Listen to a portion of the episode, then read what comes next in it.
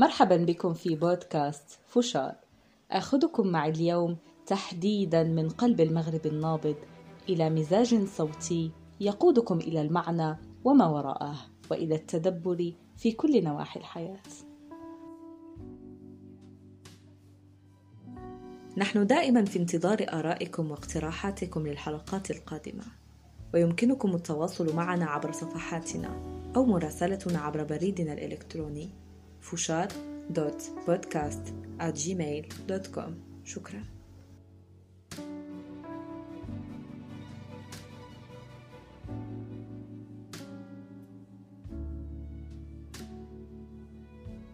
بعض الأصدقاء راسلوني مؤخرا حول آثار أزمة كورونا على حياتهم وخصوصا عن مخلفاتها النفسية والسيكولوجية. أظن أن سنة عشرين عشرين في رأيي هي كانت من أروع السنوات التي مرت منها البشرية بغض النظر عن يعني عن كل المشاكل التي رافقتها. لكننا علينا أن ننتبه إلى أن كل أزمة هي تأتي كمعلم لينبهنا على قصور معين أو لتطوير جانب في حياتنا. فسنة عشرين عشرين هي في الحقيقة أجبرتنا على أن نتوقف لوهلة أن نعود إلى وتيرة أخف وأبطأ. بعد أن كنا نلهث وراء الماديات وفقا لبرمجة مجتمعية ومنساقين خلف الرأسمالية ومظاهرها ومتجاهلين تماما الجانب الروحاني فينا. فكان أن اصطدمنا بعرض الحائط واضطرينا لمواجهة الداخل.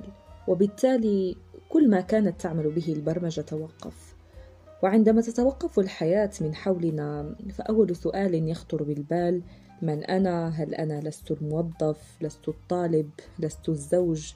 وعلى إثر هذه الأسئلة نضطر إلى التفكر وهذا طبعا هذا طريق عميق لأنه يقود إلى أسئلة وجودية ومن هنا تبدأ الصحوة الروحية أو بدأت الصحوة الروحية عند العديد من الناس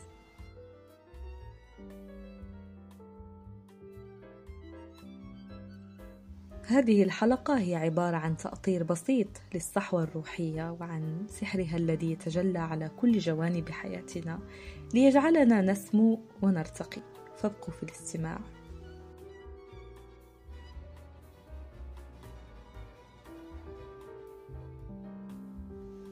هذه الأيام التي تتوالى علينا كظلام دامس والمرهقة إلى حد نكاد نجزم بأنها النهاية. نهاية الطريق والمشوار. نحاول جاهدين البحث عن بصيص من الأمل يعدنا بالنور من جديد لكن من دون جدوى. حتى نشعر بأنها الوقعة الأخيرة التي لا مفر منها فحتى أضلعنا أوثقها الخوف بإحكام ومنعها من الحركة. هذه الأيام التي تدخل فيها الروح في الظلمات وتفقد فيها الأمل من الحياة.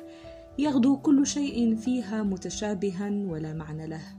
في الليل تخشى السرير والمخدة وفي الصباح تقاوم النهوض لكي تتناول فطورك تنتظر أن يغادر كل أفراد العائلة. لأن لا طاقة لديك للتمثيل ذلك الصباح. هذا إذا كنت محظوظا ولم تفقد شهية الأكل من الأساس. أيام كأنها أرض جرداء وصحراء قاحلة. تبدو فيها الحكاية مبتدره وقديمة وجميع أفرادها غرباء.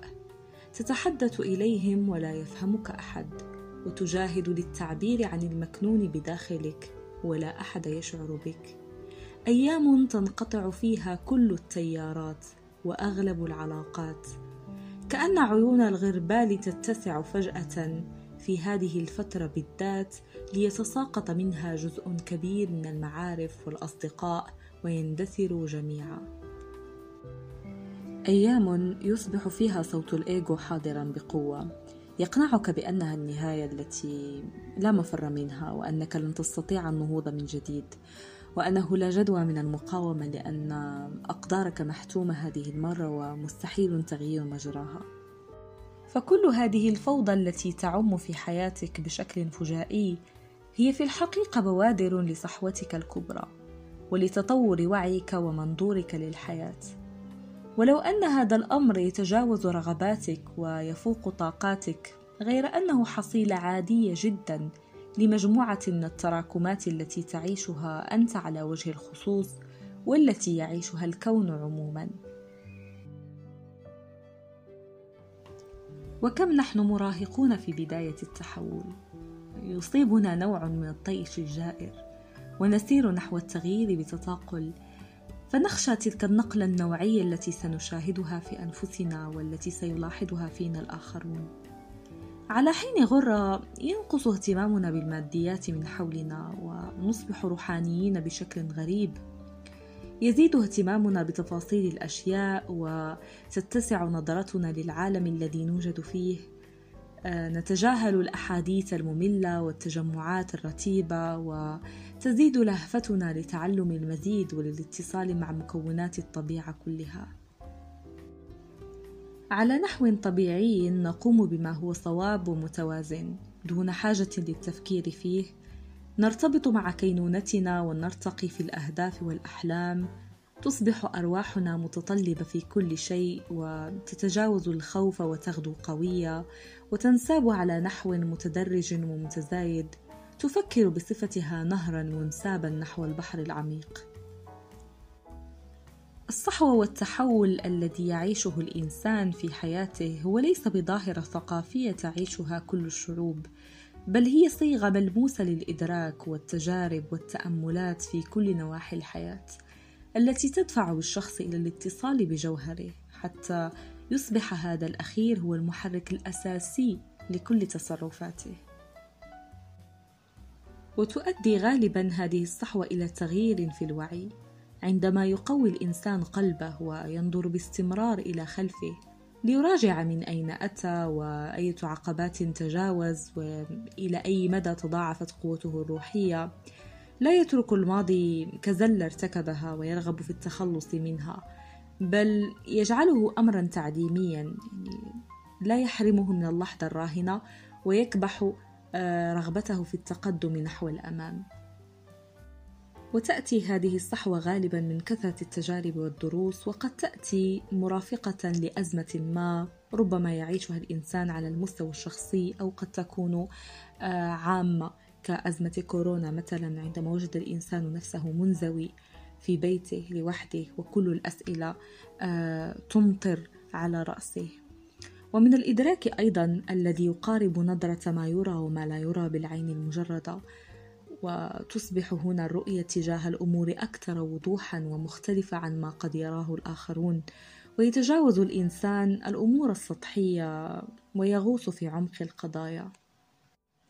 وهي تجربة تختارها الروح من أجل إحياء كل الأشياء التي ماتت فينا لأنها بهذه الطريقة ستدفعنا إلى أقصانا أو بمعنى آخر إلى الطفرة النوعية في حياتنا والتي على أساسها سنغرد في تناغم لذيذ مع ذواتنا وكل مكونات الطبيعة.